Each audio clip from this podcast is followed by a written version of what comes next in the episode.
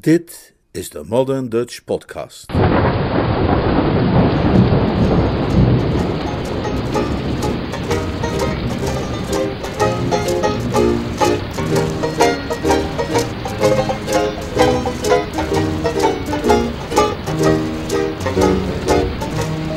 Noodweer op kasteel Blauwdings. Een roman van P.G. Woodhouse, Summer Lightning, vertaald en voorgelezen door Leonard Beuk. Hoofdstuk 10, deel 2 Welbeschouwd bestaat er niet zoiets als een onoplosbaar raadsel. Het mag er aanvankelijk dan wel vreemd en raadselachtig uitzien als ex-secretarissen uit de hemel beginnen neer te druppen als zachte regen van omhoog op wat omlaag is, namelijk de Lobelia-bedden, maar er bestaat altijd een redelijke verklaring voor. Dat Baxter die verklaring niet onmiddellijk verstrekte, kwam omdat hij persoonlijke motieven had om dat niet te doen. Wij hebben Rupert Baxter leren kennen als nijver, en dat was hij ook. Nijver en efficiënt. Dat houdt niet alleen in dat hij in staat was zijn dagelijkse taken te vervullen met een soepele beslistheid, maar dat hij daarnaast ook een grote wakkerheid van geest vertoonde, een opportunistische doelmatigheid, een scherp waarnemingsvermogen, een razendsnelle logica en een houding van doe het nu. Al deze kwaliteiten waren bij Rupert Baxter hoog ontwikkeld. Het had hem dan ook geen meetbare tijdspannen gekost om te beseffen dat zodra jonker Galahad met Sue de tuin in was gegaan, er een unieke gelegenheid was ontstaan om de trap op te glippen, de kleine bibliotheek binnen te wippen en het manuscript van de memoires te verdonkere manen. Na volgens plan te hebben geglipt en gewipt, was hij juist bezig de lade van het bureau te doorzoeken, toen het geluid van een voetstap op de gang hem van zijn brillenglazen tot zijn tenen deed bevriezen. Het volgende ogenblik begon de deurknop zachtjes te bewegen. Het lichaam van een Baxter mag dan in een dergelijke situatie verstijven. Zijn werkzame brein valt nimmer stil.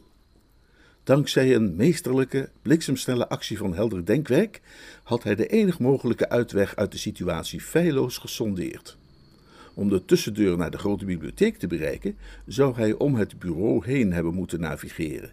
Het raam echter bevond zich direct naast hem. En daar sprong hij dus uit. Al die dingen had Baxter in een paar woorden kunnen uitleggen. Hij deed dat echter niet, maar stond op en begon de aarde van zijn knieën te vegen. Baxter, wat, wat in hemelsnaam? De ex-secretaris ervoer de blik van zijn voormalige werkgever als uiterst belastend voor zijn zenuwstelsel, dat al ernstig had vastgesteld door zijn val. De momenten waarop hij de meest intense afkeer voelde van Lord Emsworth waren juist die momenten waarop deze hem met open mond aangaapte met de blik van een verbouwereerde heilbot. Ik verloor mijn evenwicht, zei hij kortaf. E e evenwicht? Ik gleed uit. gleed uit? Ja, gleed uit. Maar, maar, maar, maar hoe dan? Hm? Waar, waar dan? Op dat moment schoot het Baxter te binnen dat het raam van de kleine bibliotheek gelukkigerwijze niet het enige raam was dat uitkeek op het landingsterrein dat hij had uitgekozen. Hij zou net zo goed afgedaald kunnen zijn uit het raam van de grote bibliotheek die er vlak naast lag. Ik kan leunen uit het raam van de bibliotheek. waarom? Ik snoof wat frisse lucht. Hoe, hoe dat? En toen verloor ik mijn evenwicht. Eh, e-, e-, evenwicht en ik gleed uit. Uh, gleed uit? Baxter kreeg het gevoel, zoals dat zo vaak het geval was geweest wanneer hij in het verleden een gesprek had proberen te voeren met Lord Emsworth, dat er een uitwisseling van opmerkingen was begonnen die eeuwig voort kon duren. Een sterk verlangen maakte zich van hem meester om ergens anders te zijn, en dat zo spoedig mogelijk. Het kon hem niet schelen waar. Zolang Lord Emsworth daar maar niet was, was iedere plek voor hem het ware paradijs. Ik denk dat ik nu maar even naar binnen ga om mijn handen te wassen, zei hij. Ja, en je gezicht, opperde jonkheer Galahad. En mijn gezicht, zei Rupert Baxter koel. Hij was nog niet helemaal de hoek van het huis om en nog ruimschoots binnen gehoorsafstand, toen Lord Emsworth met zijn doordringende stem de situatie begon te evalueren, waarbij hij, zoals gewoonlijk bij dit soort gelegenheden, zelf in de veronderstelling verkeerde op een gedempte fluistertoon te spreken. Zo, zo, zo, zo gek als een draaideur, zei hij, en het weer klonk in de ongebroken zomerstilte als de aanhef van een openbare redenvoering. Die woorden troffen Baxter pijnlijk. Het waren niet het soort woorden dat een man van wiens linker scheenbeen zojuist vijf centimeter vel is afgeschaafd graag hoort. Met gloeiende oren en fonkelende brillenglazen maakte de nijvere Baxter zich uit de voeten. Er zijn mij geen statistieken bekend met betrekking tot de eigenaardigheid, al dan niet van draaideuren in het algemeen, maar het staat wel vast dat geen van die kennelijk als zonderling beschouwde voorzieningen heftiger in beweging kon zijn geraakt dan hij. Hij was razend. Lord Emsworth staarde nog altijd naar de plek waar zijn voormalige secretaris was verdwenen. Zo, zo, zo, zo, zo, gek als een, als, als, als draaideur, herhaalde hij. In zijn broer Galahad vond hij een geestdriftig supporter. Nog veel gekker, zei jonkheer Galahad.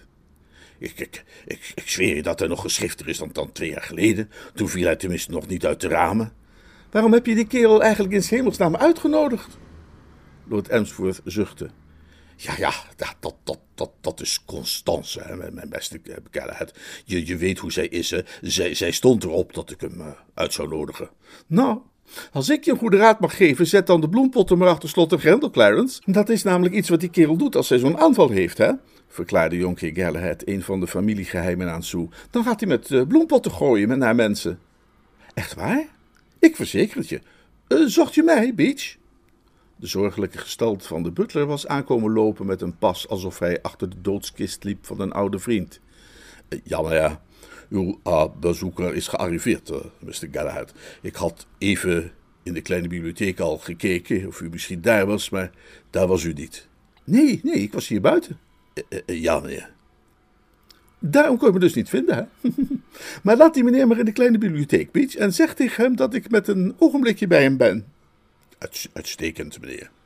Dat jonkheer Galahad zich niet erg haastte om zijn bezoeker te gaan begroeten, kwam omdat hij nog even langer bij Sue wilde blijven, voor wie hij al direct een warme genegenheid had opgevat en die hij, voor zover het binnen zijn vermogen lag, zou willen beschermen tegen de gevaren des levens. Hij wilde haar daarom op de hoogte stellen van de feiten omtrent de nijvere Baxter die ieder meisje zou moeten kennen. Zorg dat je nooit met die kerel alleen komt te zijn op een verlaten plekje, mijn beste kind, was zijn raad. En als hij voorstelt een wandelingetje met je te gaan maken in het bos, roep dan om hulp. Hij is al jaren ernstig gestoord. Vraag maar aan Clarence. Lord Emsworth knikte somber. En ik krijg de indruk, sprak de jonkheer verder, dat zijn aandoening suïcidale trekjes begint te vertonen. Zijn evenwicht verloren. Nou ja, hoe kon hij nu zijn evenwicht verliezen, verdorie? Hij heeft zich opzettelijk uit het raam geworpen, dat kan niet anders. Ik herinnerde me nu ook opeens aan wie hij mij al die tijd heeft doen denken. Hij lijkt sprekend op iemand die ik heb gekend in de jaren negentig. Van die kerel had ik pas voor het eerst in de gaten dat er iets mis met hem was. toen hij voor het diner kwam opdagen bij een vriend van mij, George Pallant. Herinner jij je George Pallant, Clarence? Met een baard van drie dagen. En toen mevrouw George, die hem al heel haar leven kende en vroeg waarom hij zich niet geschoren had, keek hij heel verbaasd. Peckleby heette die. Een van de Leicestershire Pecklebys. Geschoren, mijn lieve mevrouw, zei hij, als ze zelfs het botermesje voor me verstoppen als ik aan de ontbijttafel verschijn, omdat ze bang zijn dat ik er mijn keel mee zal afsnijden, is het dan logisch om te veronderstellen dat ze mij mijn schreeuwmes wel laten houden? En hij deed daar heel moeilijk over. Het bedierf het hele feestje. Uh, pas jij even op mijn Clarence, ik ben zo terug. Lord Emsworth had weinig ervaring in het verstrekken van amusement voor jonge meisjes. Hij was daarom sterk afhankelijk van de inspiratie van het moment en moest dus een poosje nadenken. Als de keizerin niet was ontvoerd, dan was zijn taak vanzelfsprekend een stuk eenvoudiger geweest. Dan had hij Miss Shoemaker een half uur puur vermaak kunnen bieden door haar mee te nemen naar het varkenshok om te kijken hoe dat geweldige dier haar draf slobberde. Zoals de zaak er nu bij stond, was hij even geheel onthand. Um, wilt u uh, misschien mijn, rozentuin zien? vroeg hij voorzichtig. Oh, heel graag, zei Sue. Houd, houdt u van rozen? Ja, enorm. Lord Emsworth begon een zwak voor dit meisje te ontwikkelen. Haar persoonlijkheid beviel hem. Hij meende zich vagelijk iets te herinneren dat zijn zuster Constance hem over haar gezegd had: dat ze wilde dat haar neef Ronald een leuk meisje zou vinden met wat kapitaal, zoals die Miss Shoemaker die Julia in Biarritz had ontmoet of zoiets omdat hij haar zo aardig vond, bedacht hij dat het wellicht een goed idee zou zijn haar de ogen te openen omtrent het ware karakter van zijn neef, ten einde haar te behoeden voor een fout die zij haar hele leven zou betreuren. Ja, uh, jij, uh, jij kent mijn neef Ronald, uh, geloof ik, zei hij. Ja. Lord Emsworth hield even stil om aan een van de rozen te ruiken. Hij gaf Sue een kort botanisch overzicht, alvorens tot zijn oorspronkelijke onderwerp terug te keren. De, die, die jongen, eh, die, eh, die, die is niet goed, Snik, zei hij. Hoezo? vroeg Sue fel. Ze begon de tanige oude man plotseling wat minder sympathiek te vinden. Even tevoren had ze zijn malle, vage manier van doen eigenlijk best charmant gevonden, maar nu zag ze toch helder wat hij eigenlijk was: een warhoofd en nog wel een van exportkwaliteit. Uh, hoezo? Lord Emsworth peinsde even over die vraag. Tja, tja, dat, dat, dat is uh, erfelijk, vermoedelijk, zou ik zeggen hoor.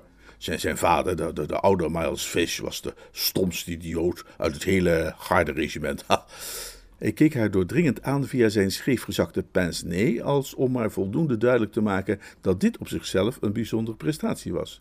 Die, die, die, die jongen, ah, die, die stuitert met de tennisballen op, op, de, op de ruggen van varkens, ging hij verder, de gruwelijke feiten niet langer verhullend. Sue was verrast. Die woorden, als zij die goed had verstaan, leken haar een kant van Ronnie's karakter te beschrijven die zij nog niet kende. Wat doet hij? Kijk, ik heb het met mijn eigen, eigen, ogen gezien. Hè? Hm? Hij, kaatste met een, eh, met een tennisbal hm? op de keizerin van Blandings, ja. En, en, en niet één keer, maar herhaaldelijk. Het moederinstinct dat alle meisjes ontwikkelen ten opzichte van de man van wie ze houden, vereiste nu eigenlijk van Sue dat zij iets te berde zou brengen tot Ronnie's verdediging. Maar behalve de wellicht al te zeer voor de hand liggende suggestie dat het varken dan wel begonnen zou zijn, kon ze niets bedenken. Ze verlieten de rozentuin en liepen terug in de richting van het gazon. Lord Emsworth werd nog steeds gekweld door gedachten aan de vele tekortkomingen van zijn neef. Om de een of andere reden was Ronnie vanaf zijn vroegste jeugd voor hem altijd bron geweest van ergernis.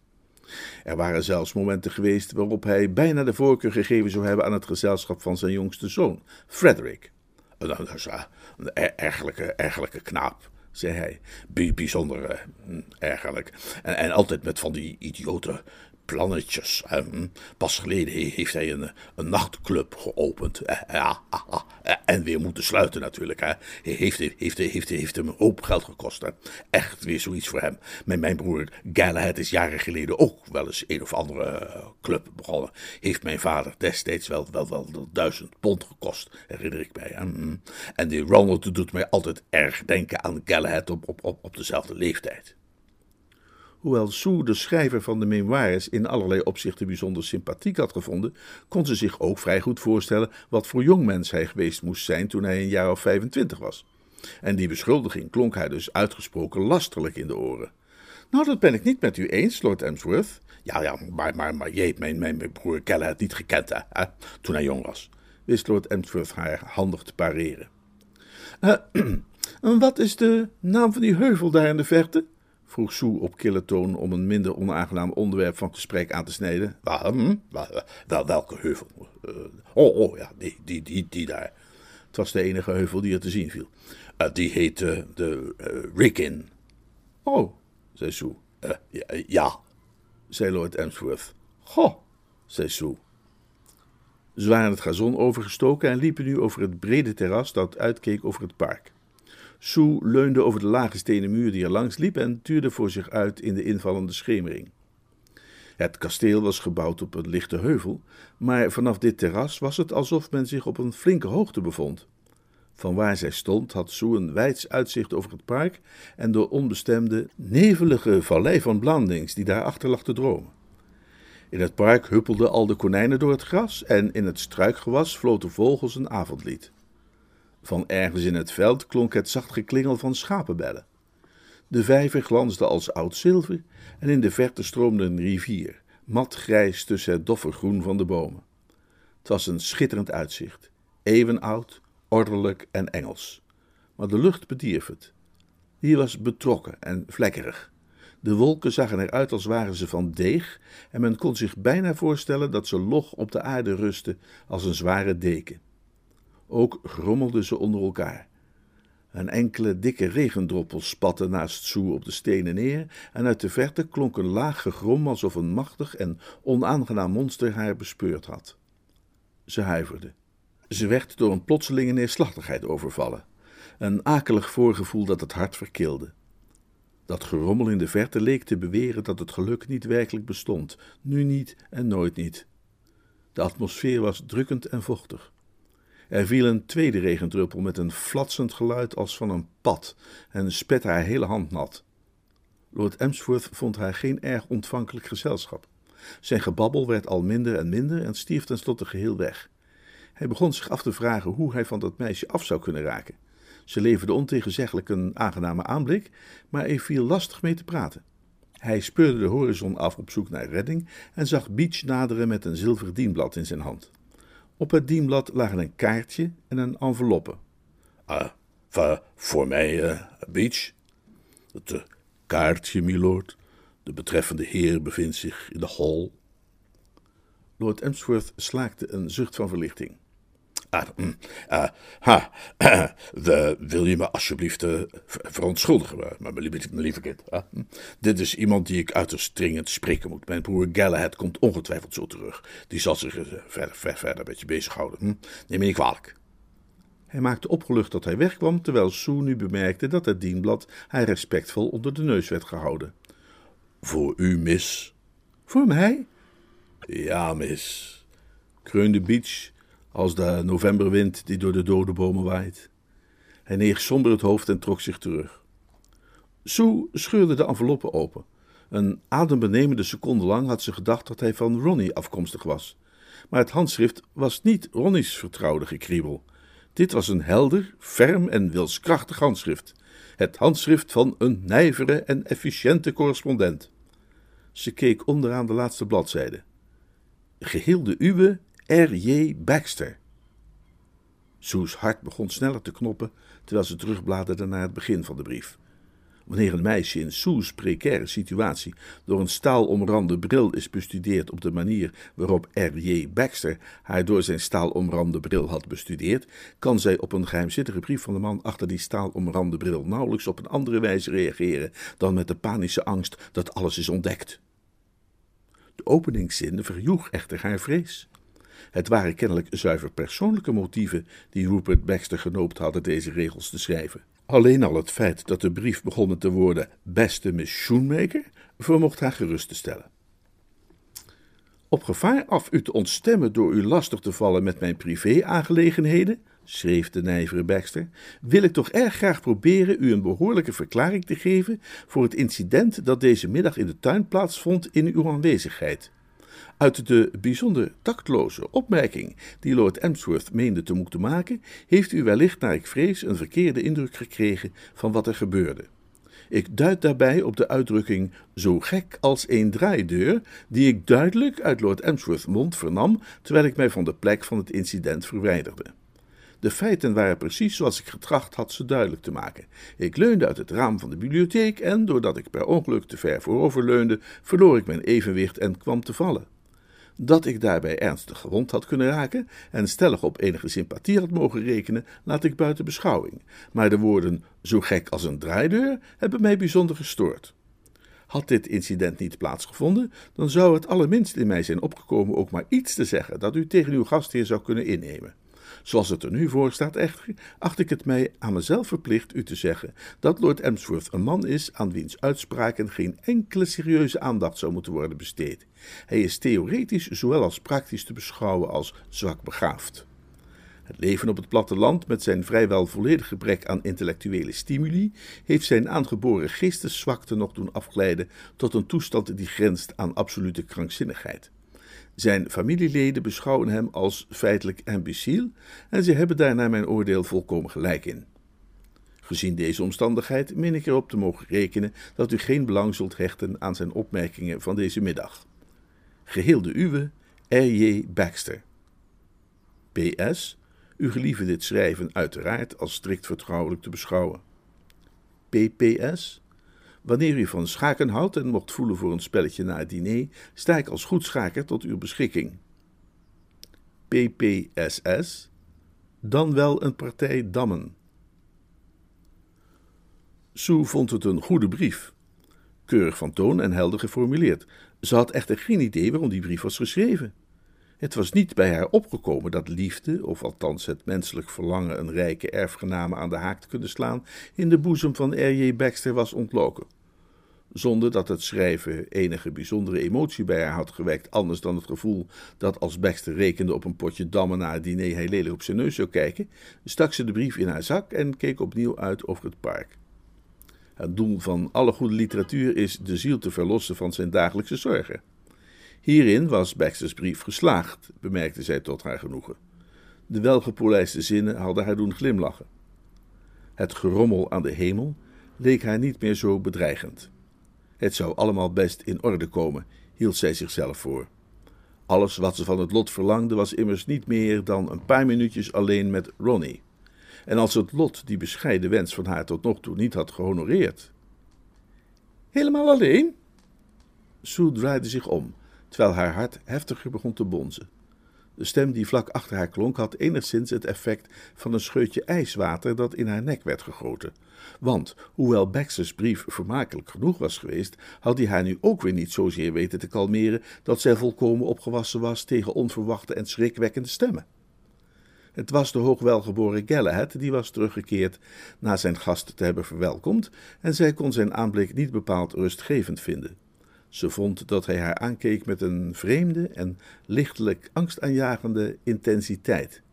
En hoewel zijn manier van doen, terwijl hij naast haar ging zitten en een praatje begon, alleszins vriendelijk en aardig leek, kon zijn gevoel van onrust maar niet onderdrukken. Die blik waarmee hij haar aangekeken had, kon zij maar niet uit haar gedachten zetten. Zeker onder die dreigende lucht vol weinig goeds voorspellend gerommel zou zelfs het dapperste meisje pessimistisch geworden zijn. De hoogwelgeboren Galahad babbelde inmiddels verder op de meest hartelijke en vriendschappelijke toon over ditjes en datjes, over het uitzicht en over het weer, over vogels en konijnen, over vrienden van hem die in de cel gezeten hadden en over anderen die, als je de bewijzen bij elkaar optelde, veel geluk hadden gehad daaraan te ontsnappen. Daarna schroefde hij zijn monocle weer in zijn oog en keerde die wonderlijke blik terug op zijn gezicht. De lucht was dreigender dan ooit. Weet je, zei de hoogwelgeboren Galahad, ik vind het heel plezierig dat ik je nu eens mag ontmoeten, mijn kind. Ik heb alleen geen jaren iemand van jouw familie gezien, maar je vader en ik corresponderen vrij regelmatig met elkaar. Hij brengt me van alle nieltjes op de hoogte. Uh, maakte iedereen het goed toen jij vertrok? Oh ja, heel goed. Hoe was het met je tante Edna? uh, prima, zei Sue wat zwakjes. Ah, juist, zei jonker Galahad. Dan moet je vader zich zeker vergist hebben toen hij me schreef dat ze was overleden. Maar misschien dacht je dat ik het had over je tante Edith. Ja, inderdaad, zei Sue dankbaar. Zij maakt het goed, hoop ik? Oh, jawel. Wat een mooie vrouw is zij toch, hè? Jazeker. Je bedoelt nog altijd? Oh ja, merkwaardig. Ze moet inmiddels toch achter in de zeventig zijn. Je bedoelt zeker mooi voor haar leeftijd. Ja, en nog behoorlijk actief. Oh ja, zeker. Wanneer heb jij haar voor het laatst gezien? Oh, vlak voordat ik naar Europa kwam. En ze is toch altijd actief, zeg je? Wonderlijk. Twee jaar geleden schreef je vader me dat ze verlamd was geraakt. Ik, ik neem aan dat je bedoelt actief voor iemand die verlamd is. De kraaienpootjes bij zijn ogen verdiepten zich tot rimpels. Zijn lorgnet blikkerde als het oog van een draak. Hij glimlachte joviaal. Zeg me nu maar gewoon hoe het zit, Miss Brown, zei hij. Welk spelletje wordt hier gespeeld?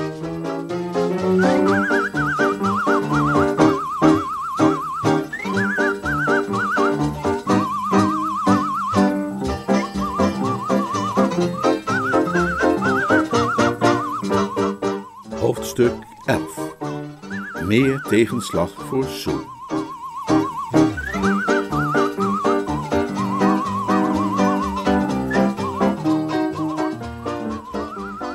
Gaf geen antwoord.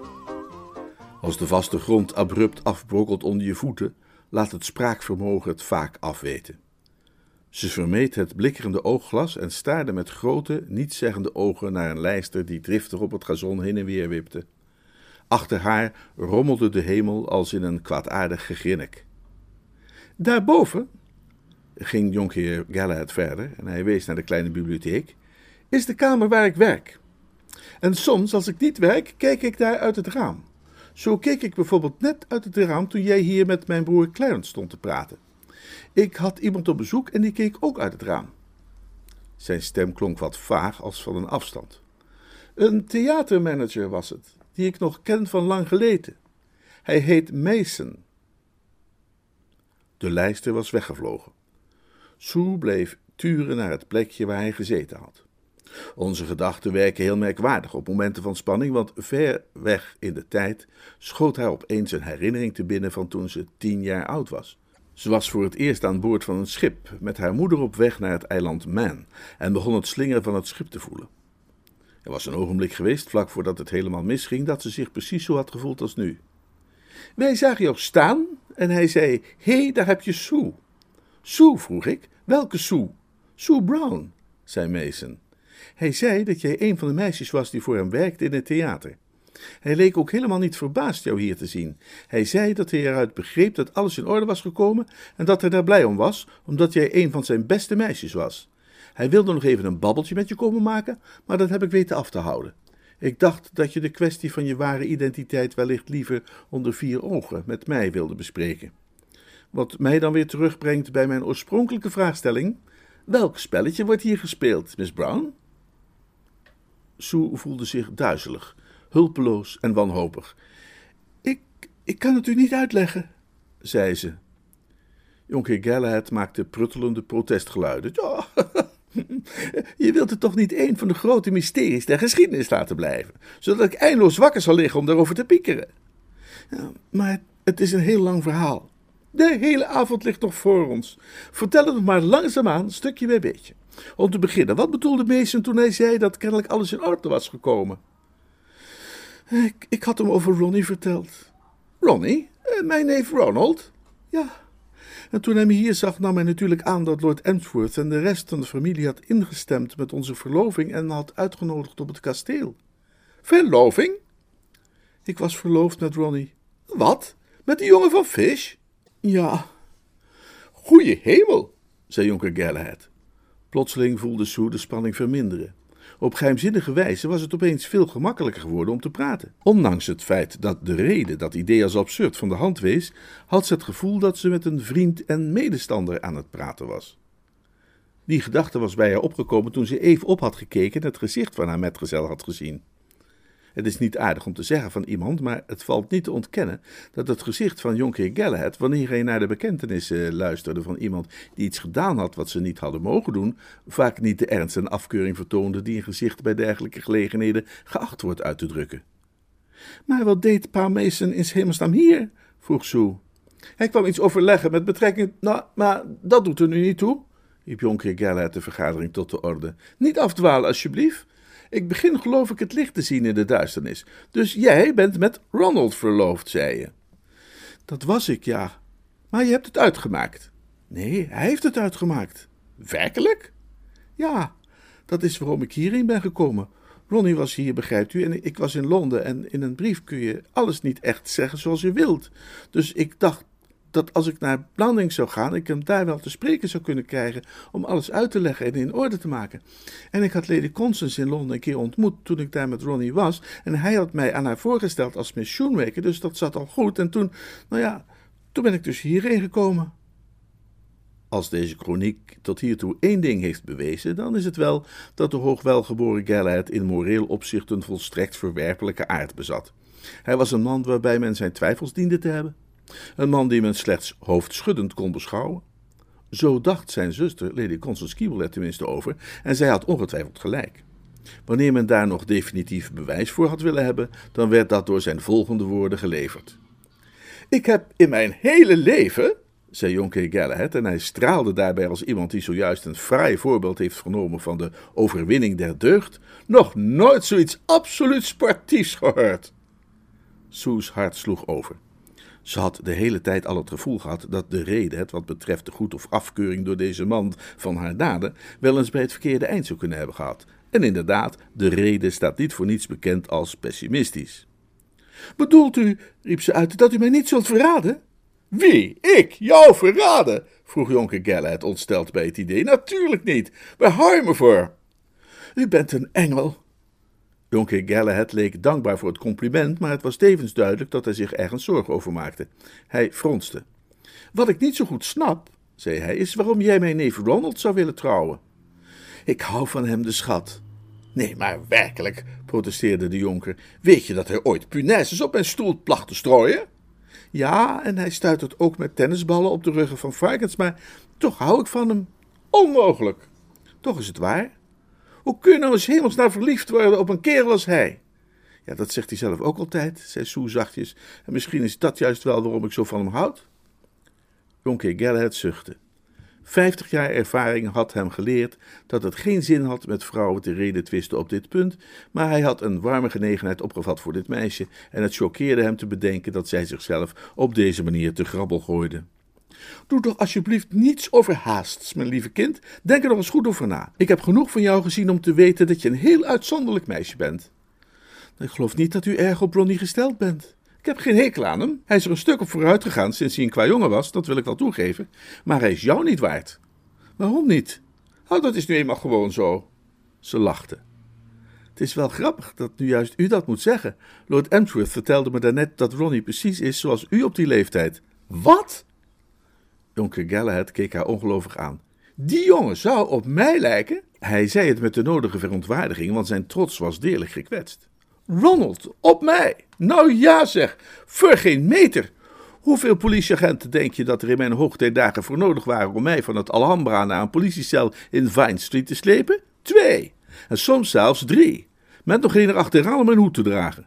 Clarence moet wat zorgvuldiger zijn met wat hij zegt. Het zijn dat soort kletspraakjes waar alle ellende van komt in de wereld. Weet je wat het is? Hij heeft zijn hoofd zo vol van varkens en pompoenen dat hij de helft van de tijd niet weet wat hij zegt. Hij wist zich met moeite te beheersen en weer wat te kalmeren. Waar hebben jij en die jonge druiloor eigenlijk ruzie over gekregen? vroeg hij. Hij is geen druiloor. Wel waar. Het verbijstert me zelfs dat iemand zo grote druiloor kan zijn als hij. Je zou denken dat daar veel meer mankracht voor nodig zou zijn. Hoe lang, uh, hoe lang kennen jullie elkaar? Een maand of negen. Tja, ik ken hem al zijn hele leven en ik zeg je dat hij een druiloor is. Als hij dat niet was, zou hij geen ruzie met jou gemaakt hebben, maar goed. Geen haakloverijen. Waar hadden jullie ruzie over? Hij heeft ontdekt dat ik was gaan dansen. En wat is daar mee? Ik had beloofd dat ik het niet meer zou doen. Is dat het hele probleem? Wat mij betreft meer dan genoeg. Jonker Galahad probeerde wat licht in de duisternis te brengen. Ik zie niet in waarom jij je daar zo druk over maakt. Als je een kleinigheid als dat niet in orde weet te brengen, dan ben je niet het meisje waar ik je voor houd. Ik dacht eerst ook dat het me wel zou lukken. Maar natuurlijk lukt je dat. Meisjes deden altijd zulke dingen toen ik jong was. En ik was er geen vijf minuten tegen opgewassen als ze eenmaal begonnen te huilen. Huil toch gewoon even tegen zijn vestje. Ben je een beetje goed in huilen? Nee, niet zo, ben ik bang. Nou ja, zijn ook allerlei andere trucs die je kunt proberen. Elke vrouw kent er tientallen. Je kunt je op je knieën laten vallen, je kunt hysterisch gaan lachen, flauw vallen of juist helemaal verstijven. Nou talloze mogelijkheden. Volgens mij komt het al goed als ik maar heel even met hem kan praten. Het probleem is alleen daar een gelegenheid voor te vinden. Jonker Galahad wuifde luchtig met zijn hand. Dan zorg je toch gewoon voor zo'n gelegenheid. Jaar geleden heb ik een meisje gekend, ze is inmiddels al lang grootmoeder, die ook vreselijk ruzie kreeg met de kerel waar ze mee verloofd was. Maar een paar weken later logeerde ze toevallig in hetzelfde landhuis als hij. Harrons Hill was het, geloof ik, het, huis van de Matcheloves in eh, Sussex. En toen lokte ze hem op een avond naar haar kamer, deed de deur op slot en zei dat ze hem daar de hele nacht vast zou houden en zo allebei hun reputatie zou ruïneren, tenzij hij haar haar ring teruggaf en verklaarde dat hun verloving weer helemaal aan was. En ze zou het gedaan hebben ook. Ze heette Frederike. Frederike eh, nog iets, meisje met rood haar. Volgens mij moet je ook echt rood haar hebben om zoiets te doen. Ik dacht meer aan een uh, rustig moment in de rozentuin. Jonker Galahad leek dat nogal een tamme oplossing te vinden, maar hij liet het passeren. Nou ja, wat je ook doet, doe het snel, mijn kind, want stel je voor dat de dochter van die beste Johnny Shoemaker straks werkelijk komt opdagen. Ze had gezegd dat ze dat zou doen. Ja, maar ik heb Ronnie haar een telegram laten sturen met de naam van Lady Constance eronder, dat er hier roodvonk heerste en dat ze beslist niet moest komen. Het is natuurlijk vervelend om telkens weer ongewild nieuw bewijs te moeten aandragen van de twijfelachtige of eigenlijk steeds duidelijker ronduit ondeugdelijke morele instelling van de hoogwelgeboren Galahad Fleetwood. Ik wil echter ook niet ontkennen of verdoezelen dat hij bij deze woorden het hoofd in de nek wierp en een luide, doordringende lach produceerde, die de lijster, die juist op het gazon was teruggekeerd, achterover deed vallen alsof hij door een kogel geraakt was. Het was een lach die, wanneer hij in de goede oude tijd weer klonken had in een van Londens levendige nachtlokalen, de uitsmijter had doen snuiven als een strijdros bij het geluid van de aanvalstrompet, hem in zijn hand had doen spugen, zijn mouwen opstropen en zich gereed houden voor actie. Dat, dat is al het, mooiste wat ik ooit gehoord heb, riep Jonkheer Gelleheid uit. Dit herstelt volledig mijn vertrouwen in de jongere generatie. Maar dat een meisje als jij serieus overweegt om een jongen te trouwen als, nou ja, voegde hij er gelaten aan toe, kennelijk met het besluit er bij die beroerde omstandigheid maar het beste van te maken. Dat is uiteraard jouw zaak. Jij weet zelf het beste wat je wilt. En het belangrijkste is tenslotte dat jij deel gaat uitmaken van deze familie. Een meisje als jij is nu precies wat deze familie al jarenlang dringend nodig heeft. Hij klopte haar vriendelijk op de schouder en ze begonnen terug te lopen in de richting van het huis. Daar kwamen juist twee mensen uit naar buiten. De ene was Lord Emsworth. De andere was Percy Pilbeam. Thank you.